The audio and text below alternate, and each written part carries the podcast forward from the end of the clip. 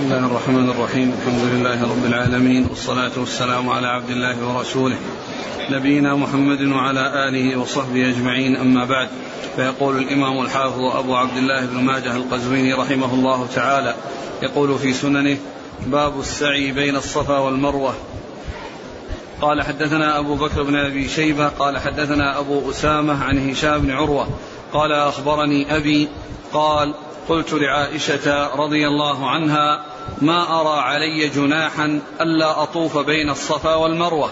قالت إن الله تعالى يقول إن الصفا والمروة من شعائر الله فمن حج البيت أو اعتمر فلا جناح عليه أن يطوف بهما. ولو كان كما تقول لكان فلا جناح عليه ألا يطوف بهما. إنما أنزل الله هذا في ناس من الأنصار كانوا إذا أهلوا أهلوا لمناه فلا يحل لهم أن يطوفوا بين الصفا والمروة. فلما قدموا مع النبي صلى الله عليه وسلم في الحج ذكروا ذلك له فأنزلها الله. فلعمري ما أتم الله عز وجل حج من لم يطف بين الصفا والمروة. بسم الله الرحمن الرحيم. الحمد لله رب العالمين وصلى الله وسلم وبارك على عبده ورسوله نبينا محمد وعلى آله وأصحابه أجمعين. أما بعد يقول الإمام ابن ماجه رحمه الله باب السعي بين الصفا والمروة. ثم ذكر حديث عائشة رضي الله عنها في قصة آه، مجيء عروة بن الزبير إليها وفهمه وبيان وبيانه لها فهمه للآية وأن وأن آه، الإنسان ليس عليه حرج ألا يطوف بين الصفا والمروة لأنه فهم الآية على أنه لا حرج عليه ألا يطوف يعني فإن الأمر في ذلك يكون سهلا وأنه لو تركه لا شيء عليه. فبينت له خطأه في هذا الفهم وقالت لو كان الأمر كما يقول كانت الآية أن لا يطوف يعني لا حرج عليه ألا يطوف أما الآية يعني ليس فيها ليست بهذا اللفظ إنما جناح عليه يطوف بهما. وبينت السبب وسبب النزول وأن جماعة من الأنصار كانوا في الجاهلية يهلون يعني لمنات وأنهم إذا يعني جاءوا إلى مكة يعني لا يتحرجون من أن يسعوا بين الصفا والمروة. فأنزل الله عز وجل أنه لا حرج. فأخبر النبي صلى الله عليه وسلم لما جاءوا معه في حجة الوداع. أخبروه بالشيء الذي كان عندهم في الجاهلية فأخبره فأنزل الله عز وجل الآية فلا جناح عليه أن يطوف بهما. يعني أن أنه أن الناس يسعون بين الصفا والمروة ولا يعني يتركون ذلك وفقا لما كانوا يعتقدونه في الجاهلية بل إن اعتقادهم في الجاهلية غير صحيح ولا حرج في التطوف وأن هذا الذي كانوا يتوقفون فيه وكانوا آه، لا يفعلونه آه، بناء على ما كانوا عليه في الجاهلية جاء الإسلام ببيان أنه لا حرج. ولا يعني ذلك أن أن أن ذلك يكون الأمر فيه سهلا وأن أنه ليس بواجب وليس بمتعين. ثم بعد ذلك قالت لعمري ما أتم الله ما أتم الله حج ولا عمرة؟ ما أتم. عمري ما أتم الله حج عز وجل حج من لم يطف بين الصفا والمروة. ما أتم الله حج من لم يطف بين الصفا والمروة. لعمري ما أتم الله حج من لم يطف بين الصفا والمروة. يعني أن الطواف بين أن السعي بين الصفا والمروة أن هذا أمر واجب وأمر لازم. ولا يتم حج من حصل منه عدم الطواف لأن الله عز وجل آه، آه، أنزل ذلك في القرآن وبين أن ذلك الذي كانوا يفعلون في الجاهلية أنه خطأ وأن أن أن الحرج الذي كانوا يتحرجون منه لا حرج فيه بل هو مشروع وجاءت السنة ببيان ذلك آه، من فعله صلى الله عليه وسلم وكونه سعى بين الصفا والمروة. وجاء في بعض الأحاديث أن الله كتب عليكم السعي فاسعوا وجاء في كلام عائشة رضي الله عنها لعمري ما أتم الله حج من لم يطف بين الصفا والمروة أو من لم يسعى بين الصفا والمروة. هذا الحديث. قال عروة قلت لعائشة ما أرى علي جناحا ألا أطوف بين الصفا والمروة. قالت إن الله تعالى يقول إن الصفا والمروة من شعائر الله فمن حج البيت أو اعتمر فلا جناح عليه أن يطوف بهما. ولو كان وفي هذا يعني يعني بيان أن أن الخطأ أن, أن الإنسان قد يخطئ وقد يخطئ بالفهم وأنه قد يفهم الشيء على خلاف الحقيقة وعلى خلاف ما هو عليه وأنه بالرجوع إلى من عنده علم يتبين الخطأ ويترك الفهم الخاطئ.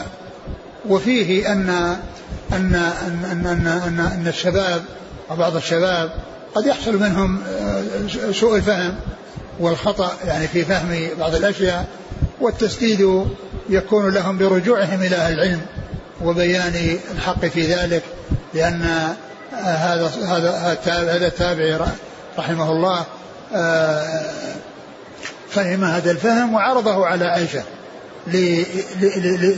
لتسدده ولتبين له مدى سلامة هذا الكلام أو عدم سلامته.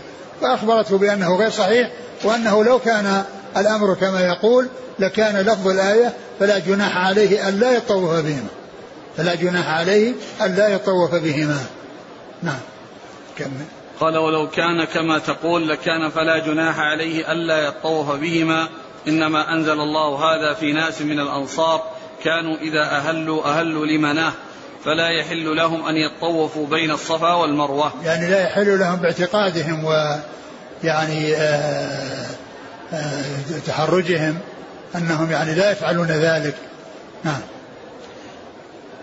فلما قدموا مع النبي صلى الله عليه وآله وسلم في الحج ذكروا ذلك له فأنزلها الله فلعمري ما أتم الله عز وجل حج من لم يطف بين الصفا والمروة.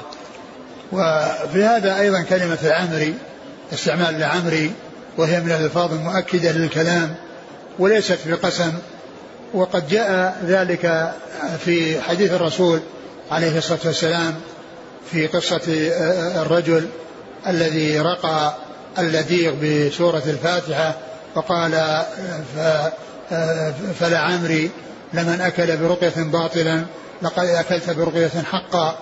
فجاءت في حديث الرسول صلى الله عليه وسلم وجاءت على ألسنة الصحابة كما جاء في حديث آه، عائشة هذا حيث قالت العامري فهي من الألفاظ المؤكدة للكلام وليست من قبيل الأقسام. نعم. قال حدثنا أبو بكر بن أبي شيبة. ثقة أخرج أصحاب الكتب إلى الترمذي. عن أبي أسامة حماد بن أسامة ثقة أخرج أصحاب الكتب. عن هشام بن عروة ثقة أخرج أصحاب الكتب. عن أبيه عن عائشة. عروة بن الزبير ثقة فقيه أحد الفقهاء المدينة السبعة في عصر التابعين أخرج له أصحاب الكتب الستة. قال حدثنا أبو بكر بن أبي شيبة وعلي بن محمد قال حدثنا وكيع قال حدثنا هشام الدستوائي عن بديل بن ميسرة عن صفية بنت شيبة رضي الله عنها عن عن أم ولد لشيبة قالت رأيت رسول الله صلى الله عليه وسلم يسعى بين الصفا والمروة وهو يقول لا يقطع الأبطح إلا شدا. ثم ذكر هذا الحديث عن أم ولد لشيبة رضي الله عنها أنها رأت النبي صلى الله عليه وسلم يسعى بين الصفا والمروة وقال لا يقطع الأبطح إلا شدا يعني الوادي الذي كان في يعترض المسعى وهو المكان الذي آه، جعل الآن علامته آه، ميلان أخضران أو علامة يعني لون أخضر يعني يكون السعي فيما بين هذه المسافة. فكان قبل ذلك كان واديا كان واديا فقال لا يقطع لا يقطع إلا شدا يعني إلا سرعة بإسراع. يعني الذي هو الذي هو السعي. لأن السعي بين الصفا والمروة هو مشي في كله إلا في هذا الموطن الذي هو الوادي الذي علامته علامة خضراء في, في, في, في الجوانب. فما بينهما يسرع فيه ولهذا قال يقطع لا يقطع الوادي إلا شدا يعني إلا بسرعة وبقوة. نعم. قال حدثنا أبو بكر بن أبي شيبة وعلي بن محمد. الطنافسي ثقة أخرج حديث النسائي في مسند علي وابن ماجه. عن وكيع. وكيع بن الجراح الرؤاسي الكوفي ثقة أخرج أصحاب الكتب. عن هشام الدستوائي. وهو ثقة أخرج أصحاب الكتب. عن بديل بن ميسرة. وهو ثقة أخرجه مسلم وأصحاب السنن. نعم. عن صفية بنت شيبة. رضي الله عنها أخرج لها. أصحاب الكتب. نعم. عن أم ولد لشيبة. أخرج لها. نسائي بن ماجه. نعم. قال حدثنا علي بن محمد وعمرو بن عبد الله قال حدثنا وكيع قال حدثنا أبي عن عطاء بن السائب عن كثير بن جمهان عن ابن عمر رضي الله عنهما أنه قال إن أسعى بين الصفا والمروة فقد رأيت رسول الله صلى الله عليه وسلم يسعى وإن أمشي فقد رأيت رسول الله صلى الله عليه وسلم يمشي وأنا شيخ كبير. وهذا يتعلق بالسعي بين الصفا والمروة أو بين العلمين الأخضرين لأن المشي هو السنة في جميع المسافة بين الصفا والمروة وإنما السعي والإسراع يكون في هذه المنطقة المحددة التي آه، هي كانت كانت وادية. فقال إن أسعى فقد رأيت النبي صلى الله عليه وسلم يسعى وإن أمشي فقد رأيته صلى الله عليه وسلم يمشي. وكنت وأنا شيخ كبير. يعني فهذا يبدو والله أعلم. المقصود بما يتعلق بمكان الإسراع وأن ذلك يعني مستحب وأن من فعله فهو يعني مأجور ومن لم يفعله لعارض أو لعدم القدرة فإنه فإنه معذور. ف قال ولهذا بين السبب قال وأنا شيخ كبير. يعني هذا هو السبب الذي جعله يعني آه، يمشي يعني في هذه المنطقة. وإلا فإن المشي في المسعى آه، كله هو المشروع لأن الإسراع لا يكون والسعي لا يكون إلا في هذه المنطقة المحددة. نعم. قال حدثنا علي بن محمد وعمرو بن عبد الله عمرو عبد الله هو؟ ثقافة ابن ماجه. نعم. عن وكيع عن أبيه. أبوه آه، وكيع. الجراح. وكيع الجراح هو؟ صدوق يهم أخرج البخاري المفرد البخاري المفرد ومسلم وأبو داود والترمذي وابن ماجه. نعم. عن عطاء بن السائب. عطاء بن السائب هو؟ صدوق اختلط أخرج البخاري وأصحاب السنن. نعم. عن كثير بن جمهان. وهو اختلط والجراح ليس من الذين ذكروا أنه سمعوا منه قبل الاختلاط مع أنه نفسه ضعيف. ولكن آه، الحديث جاء من طريق سفيان الثوري عن آه، عن عطاء بن السائب. وسفيان الثوري ممن سمع قبل الاختلاط. سفيان الثوري سمع من عطاء بن السائب يعني هذا الحديث قبل الاختلاط. فدل على أن وجود آه، والد سفيان الذي هو الجراح ليس لا يؤثر لأنه قد توبع ورواه عن عطاء بن السائب من من من هو ثقة ومن سمع منه وممن سمع منه قبل الاختلاط. نعم. عن كثير بن جمهان وهو؟ مقبول خير أصحاب السنن. نعم. عن ابن عمر. نعم. قوله وإن أمشي فقد رأيت صلى الله عليه وسلم يمشي.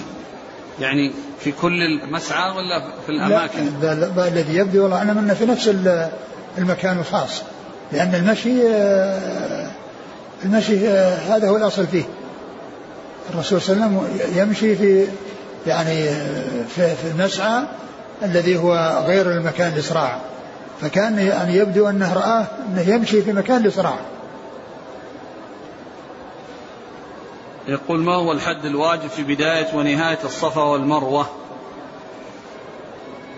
الحد ألو... الحد هو المكان الذي فيه الذي فيه آه، آه، الصفا الذي يصعد فيه شيء من الصفا. ولو يعني الحد الذي يبدأ فيه السعي الصعود إلى الصفا وكذلك الحد الذي فيه الصعود على المروة. ما كان بين ذلك هو هو الذي بين الصفا والمروة. ما بين ذلك هو الذي بين الصفا والمروة. نعم. هذا هو الواجب وأما المستحب فهو الصعود عليهما. قال رحمه الله تعالى باب العمرة. قال حدثنا هشام بن عمار قال حدثنا الحسن بن يحيى الخشني قال حدثنا عمر بن قيس قال أخبرني طلحة بن يحيى عن عمه إسحاق بن طلحة عن طلحة بن عبيد الله أنه رضي الله عنه أنه سمع رسول الله صلى الله عليه وسلم يقول الحج جهاد والعمرة تطوع. ثم ذكر العمرة باب العمرة والعمرة هي في اللغة الزيارة وفي الاصطلاح زيارة البيت للطواف فيه والسعي بين الصفا والمروة. هذه هي العمرة. وهي وفي وجوبها خلاف.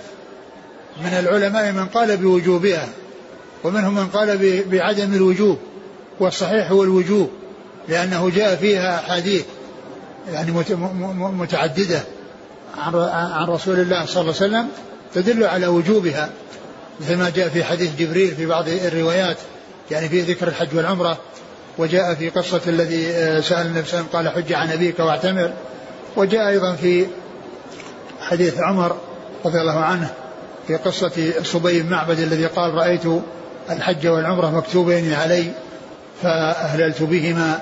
وقد مر الحديث يعني قريبا لكنه ليس فيه لفظ آه، لفظ آه، الذي فيه يدل على الوجوب أي يقال مكتوبين عليه. وهو موجود في سنن أبي داود. موجود في سنن أبي داود وجدت الحج والعمرة مكتوبين علي فأهللت بهما. ومر الحديث ليس في ذكر آه، ما يدل على الوجوب ولكنه موجود في سنن آه، أبي داود. فجاء عدة أحاديث تدل على على وجوب العمرة وأنها واجبة وأنها تجب في العمر مرة واحدة كما أن الحج يجب في العمر مرة واحدة. ثم ذكر هذا الحديث الذي قال فيه آه، النبي صلى الله عليه وسلم آه، الحج جهاد والعمرة تطوع. يعني وهذا يعني يدل على أن العمرة ليست واجبة. لكن الحديث غير صحيح لأن فيه رجل متروك وفيه رجل أيضا كثير الأخطاء.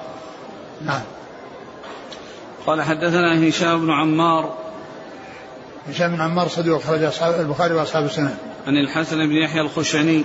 وهو صدوق كثير الأخطاء أخرج له. أبو داود في المراسيل وابن ماجه. نعم. عن عمر بن قيس. وهو متروك أخرج له. ابن ماجه. نعم. عن طلحة بن يحيى.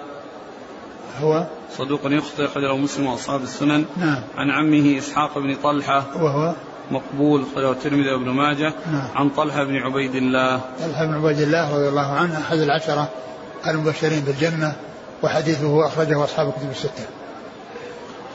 قال حدثنا محمد بن عبد الله بن نمير. قال حدثنا يعلى قال حدثنا إسماعيل. قال سمعت عبد الله بن أبي أوفى يقول كنا مع رسول الله حين اعتمر فطاف وطفنا معه وصلى وصلينا معه وكنا نستره من أهل مكة لا يصيبه أحد بشيء. أعد قال حدثنا محمد بن عبد الله بن نمير قال حدثنا يعلى قال حدثنا إسماعيل قال سمعت عبد الله بن أبي أوفى رضي الله عنه يقول كنا مع رسول الله حين اعتمر فطاف وطفنا معه وصلى وصلينا معه وكنا نستره من أهل مكة لا يصيبه أحد بشيء. ثم ذكر هذا الحديث عن عبد الله بن أبي أوفى رضي الله عنه. أنه قال كنا مع النبي صلى الله عليه وسلم لما اعتمر فطفنا فطاف وطفنا معه وصلى وصلينا معه. وكنا نستره عن عن أهل مكة. من أهل مكة؟ من أهل مكة لا لا. يصيبه أحد بشيء. لا يصيبه أحد بشيء. وهذا الذي يفهم منه أن أنه كان في عمرة القضاء حيث كانت مكة في أيدي الكفار وقد صدوه عن الحديبية. عن عن العمرة في الحديبية واتفقوا معه على أنه يعود من السنة الآتية ويأتي ويعتمر. فجاء لأداء هذه العمرة التي اتفق مع كفار قريش عليها. فكان أصحابه يسترونه يعني خشية أن يناله أحد من الكفار بسوء. فهذا الذي يفهم منه أنه في هذه في هذه العمرة لأن عمرة الحديبية لم يحصل فيها لم يحصل فيها دخول مكة والطواف والسعي. ولكنها حسبت عمرة لأنهم جاءوا معتمرين وتحللوا. وكذلك عمرة الجعرانة كانت بعد أن فتحت مكة وعمرة العمرة التي مع حجته متصلة مع حجته فإذا الذي يناسب أو يمكن أن يكون فيه تلك العمرة التي فيها الخوف على الرسول صلى الله عليه وسلم كان في عمرة القضاء التي كان فيها الكفار يقولون يقدم عليكم قوم وهنتهم حمى يثرب الرسول صلى الله عليه وسلم أمرهم بأن يرملوا في الأشواط الثلاثة الأول وأن يعني يمشوا ما بين الركن اليماني والحجر الأسود لأن الجهة الكعبة تستر تحجم بينهم وبين وبين الكفار. فهذه العمرة أوضح ما تكون وأولى ما تكون عمرة عمرة القضاء. نعم. قال حدثنا محمد بن عبد الله بن نمير ثقة أخرج أصحاب الكتب عن يعلى وهو بن عبيد الطنافسي ثقة أخرج له. أصحاب الكتب. نعم. عن إسماعيل. إسماعيل بن أبي خالد ثقة أخرج أصحاب الكتب عن عبد الله بن أبي أوفى. رضي الله عنه أخرج أصحاب الكتب قال رحمه الله تعالى باب العمرة في رمضان. قال حدثنا أبو بكر بن أبي شيبة وعلي بن محمد قال حدثنا وكيع قال حدثنا سفيان عن بيان وجابر عن الشعبي عن وهب بن خنبش قال قال رسول الله صلى الله عليه وسلم عمرة في رمضان تعدل حجة. ثم قال العمرة في رمضان. يعني ذكر أولا العمرة مطلقة ثم ذكر العمرة في رمضان. والعمرة في رمضان لها فضل ولها ميزة. وقد جاءت الأحاديث عن النبي صلى الله عليه وسلم في فضلها وأنها تعدل حجة أي في الثواب لا أنها تعدلها في آه أنها تقوم مقامها وأنها تغني عن الحج لأن لأن المقصود هو بذلك هو حصول الثواب لأنها إذا كانت في رمضان فأجرها مثل أجر الحجة لكنها لا تغني عن الحجة ولا تكفي عن الحجة ولا يسقط يعني الحج عن عن من اعتمر في رمضان وإنما آه، في المقصود من ذلك تحصيل الثواب وتحصيل أجر الحج وثواب الحج فضلا من الله عز وجل. وهذا لأنه لأنه لأنه اجتمع مع فعل الطاعة شرف الزمان شرف الزمان الذي هو الذي هو رمضان ويدل على فضل العمرة في رمضان وأنها تعدل حجة يعني في الأجر والثواب. نعم. قال حدثنا أبو بكر بن أبي شيبة وعلي بن محمد عن وكيع عن سفيان. سفيان هو الثوري ثقة أخرج أصحاب الكتب. عن بيان وجابر. بيان بن بشر هو. ثقة أخرج أصحاب الكتب. نعم. وجابر, وجابر هو الجعفي والجعفي وهو ضعيف. ضعيف. داود الترمذي بن ماجه. لكنه هنا جاء يعني مع ثقة. فالمعول على الثقة وهو لا يؤثر وجوده. نعم. عن الشعبي. الشعبي عامر بن شراحيل الشعبي ثقة أخرج أصحاب الكتب. عن وهب بن خنبش. رضي الله عنه أخرج له. آه، أخرج له النسائي بن ماجه. آه.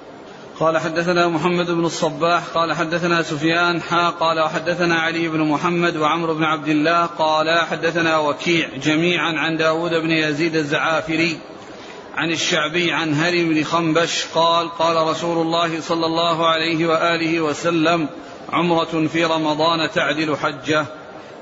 ثم ذكر طريقا أخرى وفيها ذكر آه، هرم بدل الوهب والصحيح أنه وهب وهو رجل واحد. يعني جاء آه، بهذا الاسم وبهذا الاسم. والصحيح أنه وهب. والمتن هو مثل الذي قبله. يعني الصحابي ونفس الصحابي جاء بلفظ آخر. و والإسناد؟ قال حدثنا محمد بن الصباح هو؟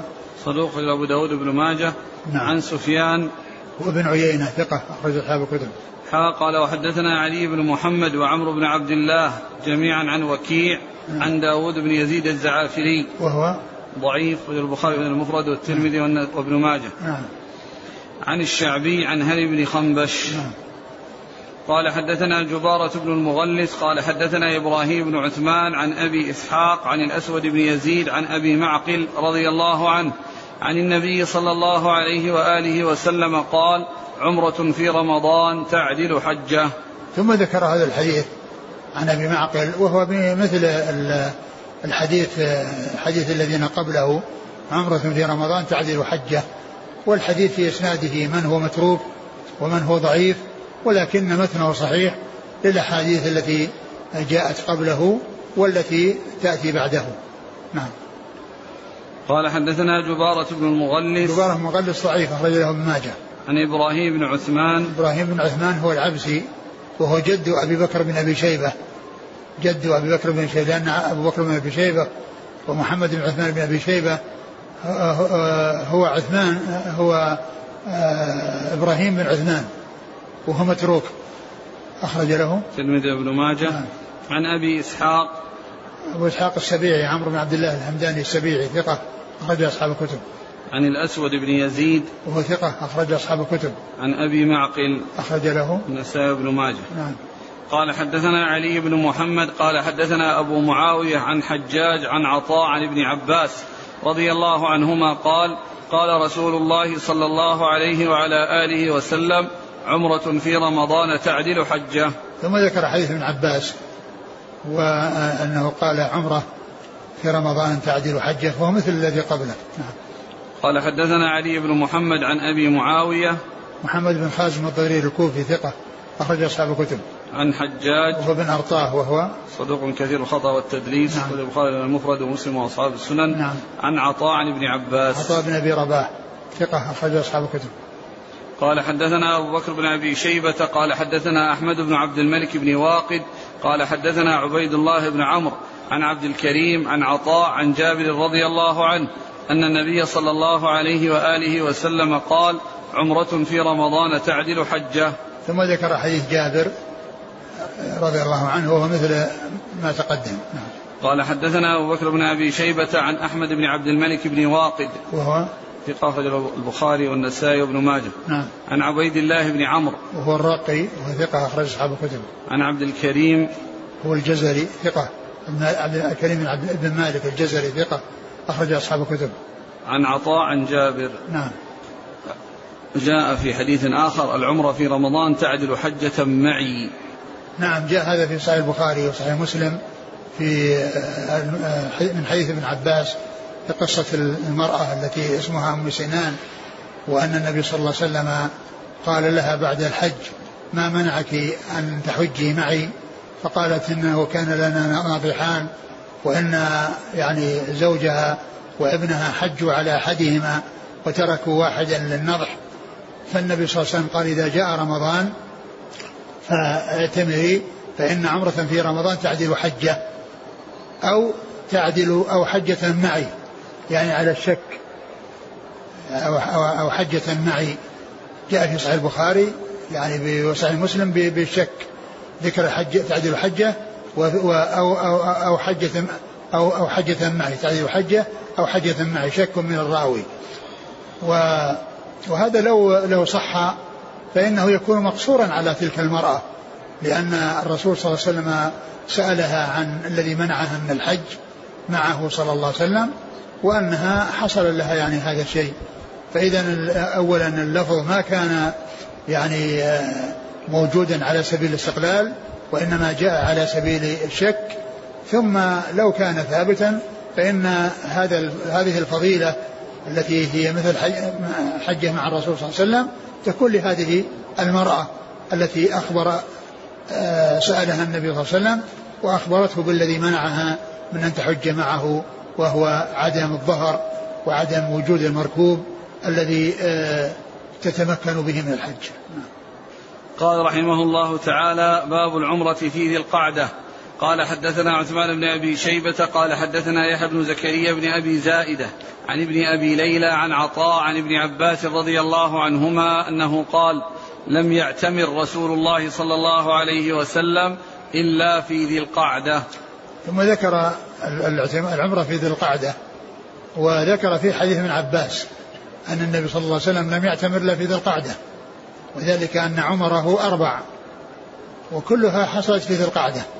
أولا عمرة الحديبية التي لم يعني تتم وصده المشركون ونحر هديه وحلق رأسه واعتبرت يعني عمرة وعمرة القضاء المقاضاة التي تم الاتفاق بينها وبين آه، الكفار يعني في الصلح الذي جرى بينهم وليست قضاء لعمرة آه، آه، الحديبية وإنما هي عمرة مستقلة.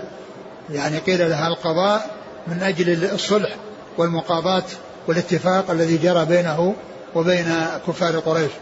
والعمرة الثالثة من الجعرانة وهي في عام الفتح بعدما جاء من من الطائف وفي في غزوة حنين اعتمر من الجعرانة ثم العمرة الرابعة هي التي كانت مع حجته وكان الإحرام بها في ذي القعدة وأداؤها في ذي الحجة.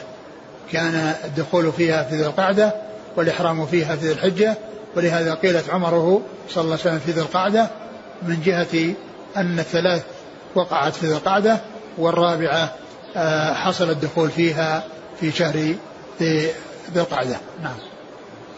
قال حدثنا عثمان بن أبي شيبة.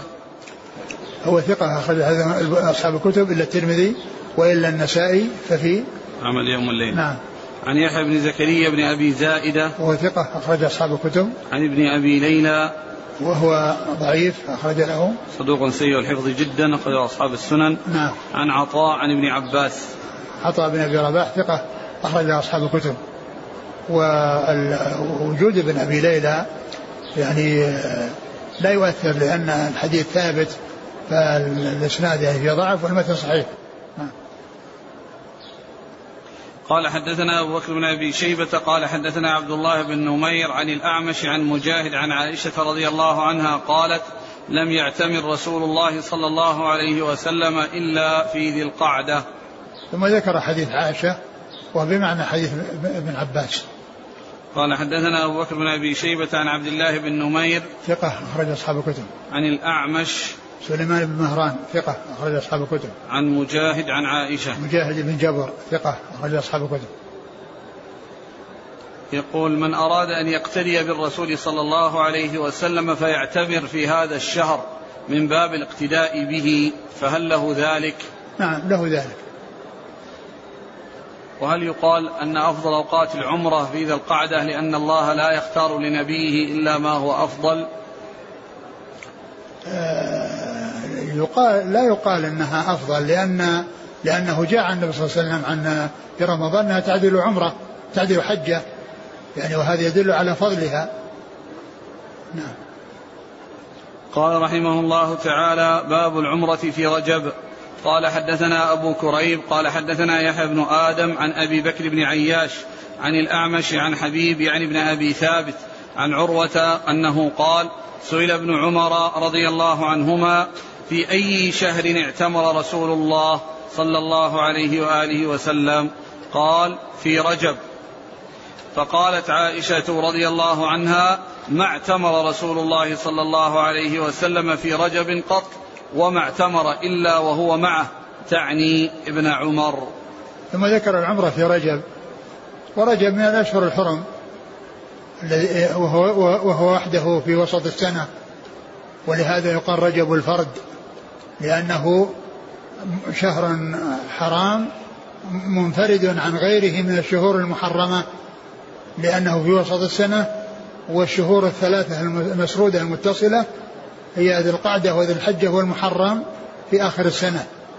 فكان هذه الثلاثة شهر يقع فيه الحج وشهر يسبق الحج ليذهب الناس فيه للحج ويكون آمنين. وكذلك بعد الرجوع إلى الحج في شهر المحرم فثلاث فهي ثلاث أربعة الأشهر الحرم ثلاثة سرد وواحد فرد. وقيل له فرد لأنه منفرد عن الشهور المحرمة. التي هي مسرودة ومتصلة.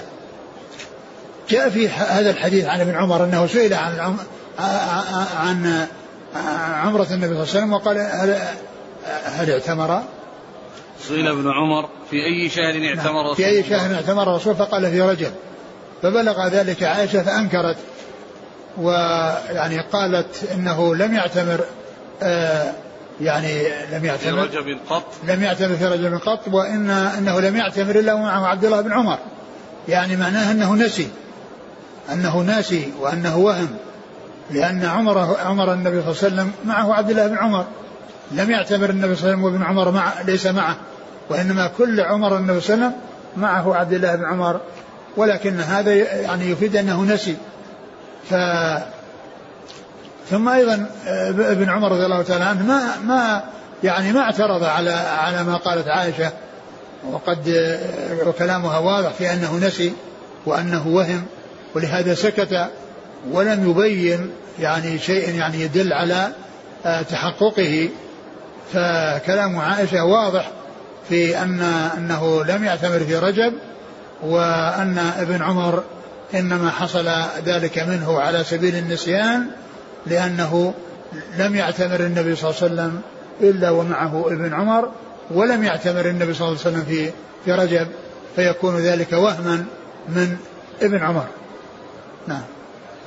قال حدثنا أبو كريب. محمد بن العلاء بن كريب ثقة أخرج أصحاب الكتب بل هو شيخ لأصحاب الكتب. عن يحيى بن آدم. وهو ثقة أخرج أصحاب الكتب. عن أبي بكر بن عياش. وهو ثقة أخرج له البخاري ومسلم المقدمة وأصحاب السنة. عن الأعمش عن حبيب بن أبي ثابت. وهو ثقة أخرج أصحاب الكتب. عن عروة عن ابن عمر. نعم. قال رحمه الله تعالى باب العمرة من التنعيم. قال حدثنا أبو بكر بن أبي شيبة وأبو إسحاق الشافعي إبراهيم بن محمد بن العباس بن عثمان بن شافع. قال حدثنا سفيان بن عيينة عن عمرو بن دينار. قال أخبرني عمرو بن أوس قال حدثني عبد الرحمن بن أبي بكر أن النبي صلى الله عليه وسلم أمره أن يردف عائشة فيعمرها من التنعيم. ثم ذكر باب العمرة من التنعيم. التنعيم هو أدنى الحل. والإحرام يكون لأهل مكة ومن في حكم أهل مكة من خارج الحرام من أي جهة من الجهات. لا يكون الأمر مقصورا على التنعيم ولكن ذكر التنعيم لأنه أقرب مكان. والنبي صلى الله عليه وسلم أرسل عائشة للتنعيم لأنه قريب من أجل أنه تأتي, تأتي بالعمرة ثم يذهبون لأنهم جلسوا في انتظارها.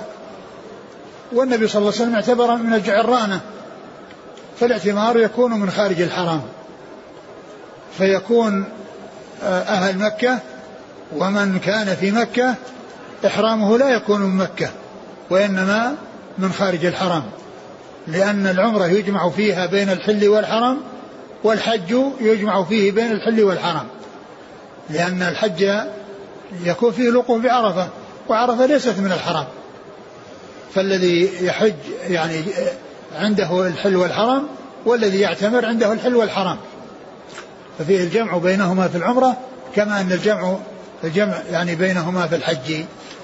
ف العمرة تكون من التنعيم ومن غير التنعيم يعني من خارج الحرم ولا يجوز للمكي أو من في حكم المكي أن يحرم من مكة بالعمرة وإنما الإحرام من خارج الحرم ليجمع بين الحل والحرم. ثم ذكر حديث عائشة رضي الله عنها حديث آه، عبد الرحمن. نعم عبد الرحمن. بن أبي بكر أن أمره أن يعمر عائشة من التنعيم. فذهب بها وكانت رديفه يعني أنها راكبة على الدابة خلفه فذهب بها واعتمرت وأحرمت فذهبت وطافت وسعت ثم جاء ثم جاءوا النبي صلى الله عليه وسلم فذهبوا لطواف الوداع ثم انطلق ثم خرجوا من المدينة آه، فهذا يدل على على يعني أن من كان في داخل الحرم أنه يحرم من التنعيم ومن ومن غيره من من من, من الحل لكن لا يعني ذلك كما هو الآن موجود عند كثير من الناس يعني يترددون بين الكعبة وبين التنعيم ويأتي الواحد بعدة عمر فإن هذا ليس من هدي رسول الله صلى الله عليه وسلم ولا كان من عمل أصحابه رضي الله عنهم بأنهم يفعلون ذلك وإنما كانوا يأتون بالعمر وهم داخلون إلى مكة. يقولون لبيك لبيك اللهم لبيك. أما من كان في مكة ومن كان مقيما فإنه لا يحرم من مكة وإنما يحرم من من خارج الحرم ليجمع بين الحل والحرم. ف عائشة رضي الله عنها وأرضاها كانت دخلت بعمرة متمتعة كأمهات المؤمنين ولكنه جاءها الحيض واستمر معها حتى جاء الحج وهي لم تطهر. فأمرها النبي صلى الله عليه وسلم بأن تدخل الحج على العمرة وتكون بذلك قارنة. فالعمرة أحرمت بها من الميقات والحج أحرمت في مكة فأدخلت الحج على العمرة وصارت بذلك آه، قارنة. ولما كان الحج اللي هو القران ليس فيه إلا طواف واحد وسعي واحد وهي أرادت أن تكون يعني عمرتها التي لم آه، تتحقق بسبب الحيض فيها طواف وسعي والحج فيه طواف وسعي فأرادت أن يكون عندها طوافان وسعيان. فالرسول صلى الله عليه وسلم لما راجعته قال يكفيك طوافك وسعيك لحجك وعمرتك. يعني الطواف الواحد والسعي الواحد يكفي الحج والعمرة لأنه قران والقران اجتمع فيه النسكان وأعمالهما واحدة ولكنها أرادت أن يكون آه، آه، نسك العمرة مستقل بطوافه وسعيه. عن نسك الحج فلما ألحت عليه آه، أمر أخاها عبد الرحمن أن يذهب بها إلى التنعيم وقيل إنه لم يحرم وإنما ذهب غير محرم ولكنه ذهب مرافقا لها لتحرم. ثم أيضا النبي صلى الله عليه وسلم وأصحابه كانوا جالسين في الأبطح ولم يقل النبي صلى الله عليه وسلم لهم نحن جالسون اذهبوا ائتوا بعمرة. فدل هذا على أن العمرة المشروعة هي التي يكون الإنسان يدخل بها إلى الحرم يقول لبيك اللهم لبيك. أعد حديث عن عبد الرحمن بن أبي بكر أن النبي صلى الله عليه وسلم أمره أن يردف عائشة فيعمرها من التنعيم. وهذا فيه الارداف على الدابة. وهذا إذا كانت مطيقة يعني بحيث يركب عليها اثنان فإذا كانت مطيقة فإنه ذلك سائق وفي كذلك إرداف يعني ذات المحارم وأنها تركب مع يعني محرمها وتكون رديفا له نعم قال حدثنا أبو بكر بن أبي شيبة وأبو إسحاق الشافعي إبراهيم بن محمد هو هو صدوق النسائي بن ماجه نعم عن سفيان بن عيينة ثقة أخرج أصحاب الكتب. عن عمرو بن دينار. ثقة أخرج أصحاب الكتب. عن عمرو بن أوس. هو ثقة أخرج أصحاب الكتب. نعم. عن عبد الرحمن بن أبي بكر. رضي الله عنه أخرج له. أصحاب الكتب. نعم. قال حدثنا أبو بكر بن أبي شيبة قال حدثنا عبدة بن سليمان عن هشام بن عروة عن أبيه عن عائشة رضي الله عنها أنها قالت خرجنا مع رسول الله صلى الله عليه وآله وسلم في حجة الوداع نوافي هلال ذي الحجة فقال رسول الله صلى الله عليه وسلم من أراد منكم أن يهل بعمرة فليهلل فلولا أني أهديت لأهللت بعمرة. قالت فكان من القوم من أهل بعمرة ومنهم من أهل بحج فكنت أنا ممن أهل بعمرة. قالت فخرجنا حتى قدمنا مكة فأدركني يوم عرفة وأنا حائض لم أحل من عمرتي.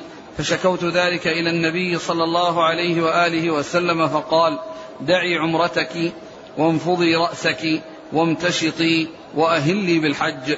قالت ففعلت فلما كانت ليلة الحصبة وقد قضى الله حجنا أرسل معي عبد الرحمن بن أبي بكر فأردفني وخرج إلى التنعيم فأهللت بعمرة فقضى الله حجنا وعمرتنا ولم يكن في ذلك هدي ولا صدقة ولا صوم. ثم ذكر يعني بعد ذلك حديث عائشة رضي الله عنها وذلك أنهم أنها أنها تخبر أنهم خرجوا مع النبي صلى الله عليه وسلم يعني حجاجا وأن منهم من كان قارنا ومنهم من كان مفردا ومنهم من كان معتمرا متمتعا وهي ممن اعتمر وصارت متمتعة ولكنها يعني آه، جاءها الحيض ومنعها من دخول المسجد والطواف حتى جاء يوم عرفة. فالنبي صلى الله عليه وسلم أمرها بأن تغتسل وأن تنقض شعرها استعدادا للدخول في آه، الإحرام بالحج وإلا فإن إحرام العمرة مستمر وقائم ولم يرفض ويترك وإنما أضيف إليه آه، الإحرام بالحج. فهذا هذا إنما هو ليس يعني من أجل أنها رفضت عمرتها ولكن من أجل الاستعداد يعني للحج وأنها تغتسل آه، يعني لذلك. والعمرة التي معها جاءت بها من من من الميقات فأدخلت الحج على العمرة وصارت قارنة وفعلت كما يفعل الحاج يعني بعدما طهرت ثم إنهم لما كانوا في الحصبة وهي المحصب المكان الذي كان منزله صلى الله عليه وسلم قبل الحج وبعده آه وكانت طلبت من النبي صلى الله عليه وسلم وألحت عليه أن تعتمر فأرسل معها أخاها عبد الرحمن بن أبي بكر آه فاعتمرت. إيش قال بعد ذلك؟ فأردفني وخرج إلى التنعيم فأهللت بعمرة فقضى الله حجنا وعمرتنا ولم يكن في ذلك هدي ولا صدقة ولا صوم. ثم قضى حج ولم يكن في ذلك هدي ولا صدقة ولا صوم. ليس المقصود من ذلك أن القارن ليس عليه هدي والمتمتع ليس عليه هدي بل كان عليهم هدي. بل كان عليهم هدي وقد جاءت النصوص في ذلك فمن تمتع بالعمرة حج من من الهدي. ويدخل في ذلك القارن والمتمتع لأن القارن يقال له متمتع بالمعنى العام. وقد استدل العلماء بهذه الآية على وجوب الهدي على القارن كما أنه واجب على المتمتع لأن لفظ التمتع يدخل فيه القرآن آه، كما يدخل في كما أن كما أنه يدخل فيه التمتع الذي أطلق عليه هذا الاسم وهو الاتيان بالعمرة وحدها ثم الحج وحده.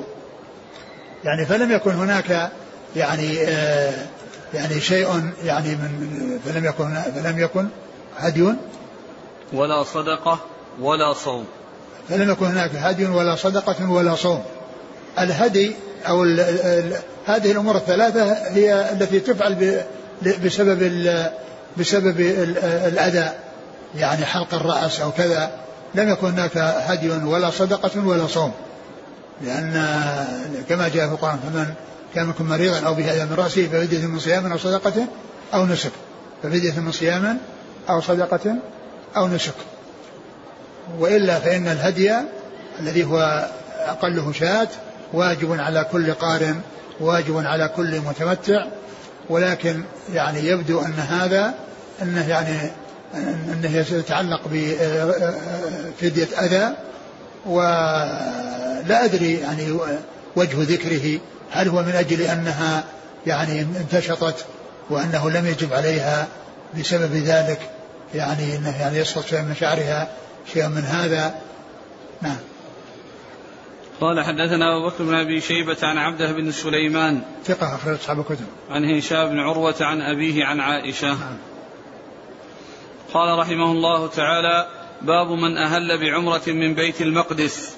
قال حدثنا أبو بكر بن أبي شيبة قال حدثنا عبد الأعلى بن عبد الأعلى عن محمد بن إسحاق قال حدثني سليمان بن سحيم عن أم حكيم بنت أمية عن أم سلمة رضي الله عنها أن رسول الله صلى الله عليه وآله وسلم قال من أهل بعمرة من بيت المقدس غفر له.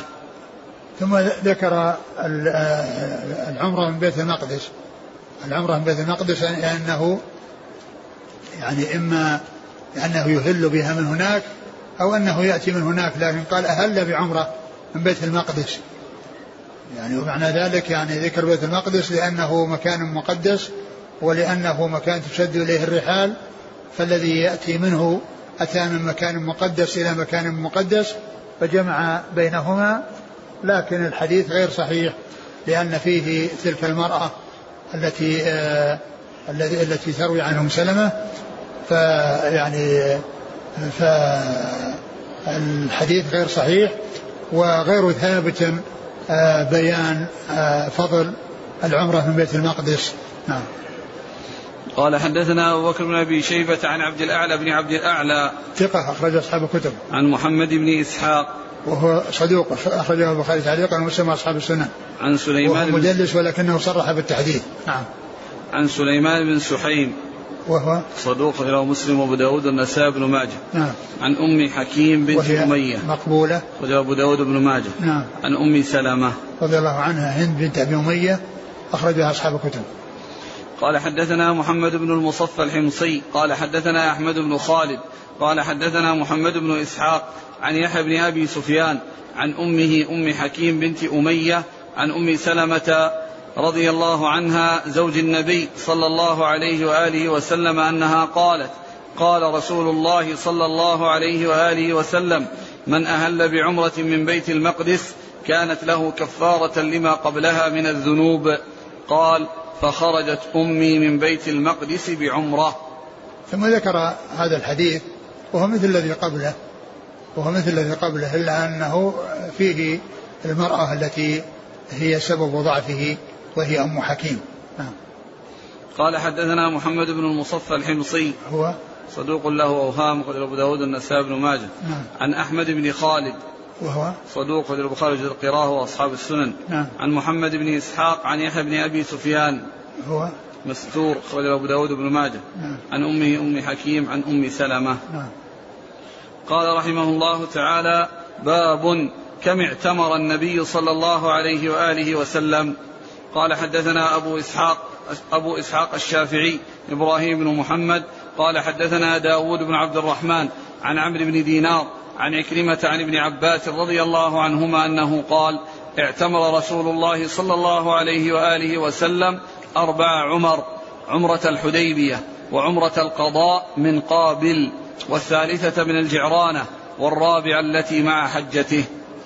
ثم ذكر كم اعتمر النبي صلى الله عليه وسلم وذكر الحديث أنها أربع وفصلها عمرة الحديبية التي صد عنها وعمرة القضاء التي اتفق مع الكفار على آه، الاتيان بها في العام القادم وعمرة الجعرانة يعني بعد حنين وعمرة التي مع حجته صلى الله عليه وسلم حيث كان قارنا وكانت البداية بها في ذي القعدة والنهاية أو إكمالها في شهر آه، ذي الحجة. نعم. قال حدثنا أبو إسحاق الشافعي إبراهيم بن محمد عن داود بن عبد الرحمن. هو؟ ثقافة أصحاب الكتب. نعم. عن عمرو بن دينار عن عكرمة عن ابن عباس. نعم. قال رحمه الله تعالى باب الخروج إلى منى. والله تعالى أعلم وصلى الله وسلم وبارك على عبده ورسوله نبينا محمد وعلى آله وأصحابه أجمعين. جزاكم الله خيرا وبارك الله فيكم. ألهمكم الله الصواب ووفقكم للحق.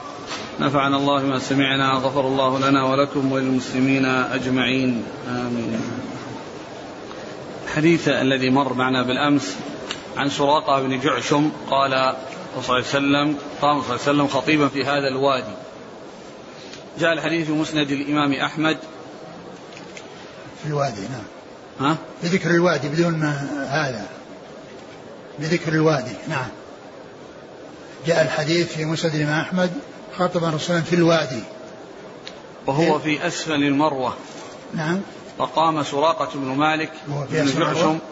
يعني وهو في- في أسفل المروة. نعم.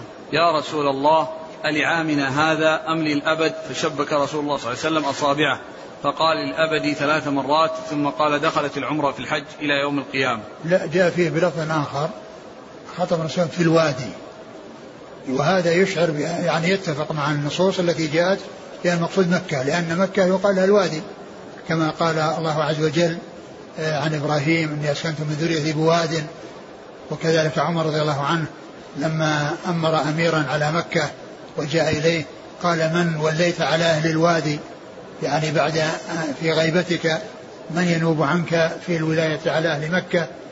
فجاء في مسند الإمام أحمد بدون هذا لأن هذا الوادي فيه إشارة إلى مكان معين وأنه وادي لكن الذي في مسند الإمام أحمد وهو بنفس اللفظ الذي عند ابن ماجه وهو أنها دخلت العمرة في الحج إلى يوم القيامة فيه بلفظ الوادي بدون هذا.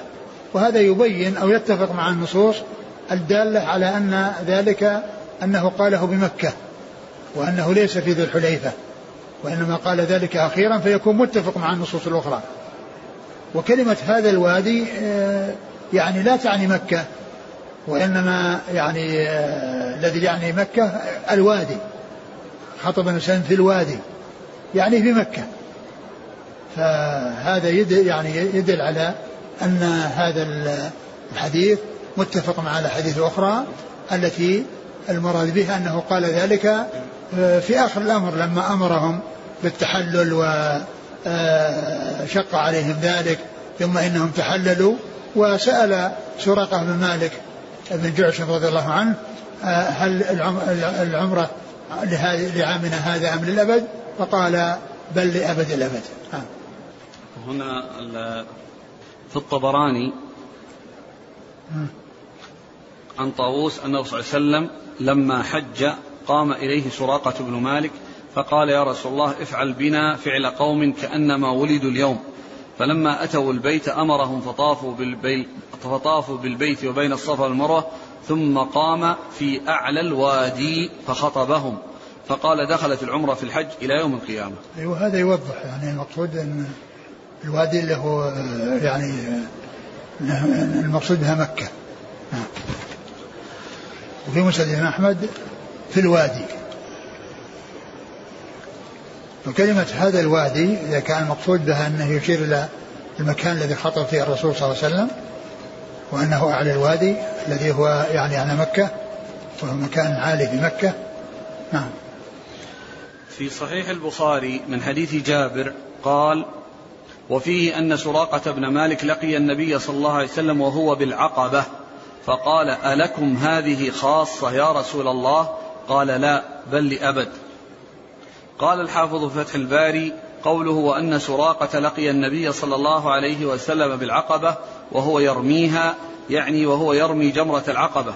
وفي رواية يزيد بن زريع عن حبيب المعلم عند المصنف لكتاب التمني وهو يرمي جمرة العقبة. هذا فيه بيان المكان الذي سأل فيه سراقة عن ذلك. ورواية مسلم من طريق ابن جريج عن عطاء عن جابر كذلك. وسياق مسلم من طريق جعفر بن محمد عن أبيه عن جابر يقتضي أنه قال له ذلك لما أمر أصحابه أن يجعلوا حجهم عمرة. وبذلك تمسك من قال إن سؤاله كان عن فسخ الحج عن العمرة. ويحتمل أن يكون السؤال وقع عن الأمرين لتعدد المكانين. وفي صحيح أبي داود الألباني زاد في المسند والبخاري كما تقدم وأن سراقة لقي النبي صلى الله عليه وسلم وهو بالعقبة وهو يرميها. فقال ألكم هذه خاصة يا رسول الله؟ قال لا بل للأبد. وهذا بظاهره مخالف لما سيأتي من طريق أخرى عن جابر في حديثه الطويل أن سراقة قال للنبي صلى الله عليه وسلم وهو عليه الصلاة والسلام في آخر الطواف على المروة. فجمع الحافظ بينهما باحتمال التعدد. يعني تكرر يعني. نعم. وقال الشيخ تكرر يعني. تكرر السؤال. نعم. وقال الشيخ الباني في تعليقه على حجة النبي صلى الله عليه وسلم عند قوله ولقي سراقة وهو يرمي جمرة العقبة فقال يا رسول الله ألنا هذه خاصة؟ قال لا بل للأبد. قال كذا في هذه الرواية وهي من طريق عطاء عن جابر. وفي الرواية الأخرى المتقدمة أن سراقة قال ذلك وهو في أسفل المروة بعد فراغه صلى الله عليه وسلم من السعي فالظاهر أنه سأل مرتين وكأنه للاستيثاق والتثبت. والله أعلم. يمكن. يعني إذا كان نتكرر ذلك من أجل يعني كون الناس يسمعون يعني عند السؤال الأول وعند السؤال الثاني وكذلك هو أيضا ليستثبت آه، يمكن أن يكون ذلك متكررا. أصل السعي بين الصفا والمروة ونصح من ابن كثير للساعي بينهما. من تفسير ابن كثير. إيش؟ إيش؟ أصل السعي بين الصفا والمروة. آه. ونصح من ابن كثير؟ نصح نصح. من ابن كثير للساعي بينهما. من تفسير سورة البقرة من تفسير ابن كثير يقول وقد تقدم من حديث ابن في حديث ابن عباس أن أصل ذلك مأخوذ من طواف هاجر وتردادها بين الصفا والمروة في طلب الماء لولدها لما نفد ماؤهما وزادهما حين تركهما إبراهيم عليه الصلاة والسلام هنالك وليس عندهما أحد من الناس فلما خافت على ولدها الضيعة هنالك ونفد ما عندهما قامت تطلب الغوث من الله عز وجل فلم تزل تتردد في هذه البقعة المشرفة بين الصفا والمروة متذللة خائفة وجلة مضطرة فقيرة إلى الله عز وجل حتى كشف الله كربتها وآنس غربتها وفرج شدتها وأنبع لها زمزم التي ماؤها طعام طعم وشفاء سقم فالساعي بينهما ينبغي له أن يستحضر فقره وذله وحاجته إلى الله في هداية قلبه وصلاح حاله وغفران ذنبه وأن يلتجأ إلى وأن يلتجئ إلى الله لتفريج ما هو به من النقائص والعيوب وأن يهديه إلى الصراط المستقيم وأن يثبته عليه إلى مماته وأن يحوله من حاله الذي هو عليه من الذنوب والمعاصي إلى حال الكمال والغفران والسداد والاستقامة كما فعل بهاجر عليها السلام. هذا كلام من أحسن الكلام رحمه الله. يقول السائل فضيلة الشيخ هل يجوز ركوب العربية بالمسعى لغير حاجة؟ الذي ينبغي أن الإنسان ما يقدم إلا لحاجة. الإنسان عندما يحتاج يركب العربية وعند عدم الحاجة آه، يمشي. كما يعني كما يفعل الناس يفعل كما يفعل الناس وإن احتاج إلى ذلك ركب. ما ينبغي الإنسان أن أن يسعى بالعربية من غير حاجة.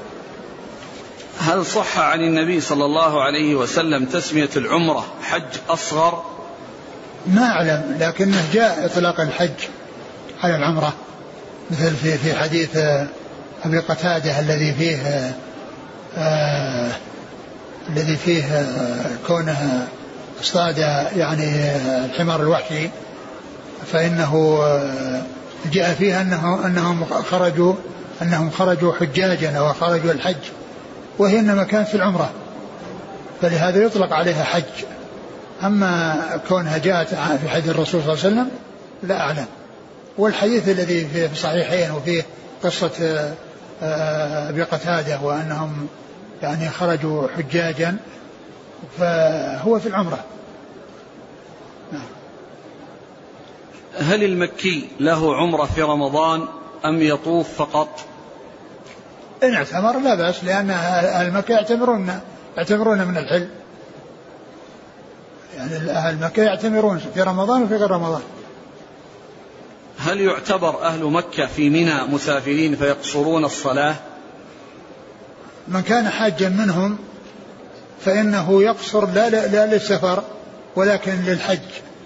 لأن النبي صلى الله عليه وسلم لم يأمر الذين حجوا معه من أهل مكة أن يتموا.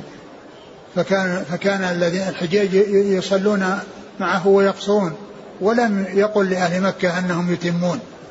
أن أن عليهم أن يتموا. فمن كان حاجا فله أن يقصر. وأما من كان غير حاج فإنه لا يقصر. من كان غير حاج يعني من الناس الذين مع الحجاج. ليس له أن يقصر نعم. يقول بعض أهل أصحاب الحملات لا يحرمون إلا في عرفة قبل الغروب. فهل هذا الفعل منهم صحيح؟ بعض أصحاب الحملات لا يحرمون إلا في عرفة قبل الغروب. فهل لا فعل هذا غلط هذا. أقول هذا غلط كيف يعني؟ يعني يحرمون يحرمون بالحج من عرفة قبل الغروب المفروض أن يكونوا في عرفة محرمين. وإن كانوا نازلين بعرفة يحرمون من أول من أول أولا ينبغي أن يحرموا من مكة. وإذا كانت منازلهم في منى يحرمون من منى. وإن كانت منازلهم في عرفة يحرمون من عرفة لكن يعني يكون في وقت مبكر. ما يؤخرون ذلك إلى الغروب يعني معناه أن أنهم يجلسون في في عرفة غير محرمين؟ يعني طيلة اليوم وهم غير محرمين؟ هذا هذا غير صحيح. بحجة أنهم يعني يعملون في مصالح.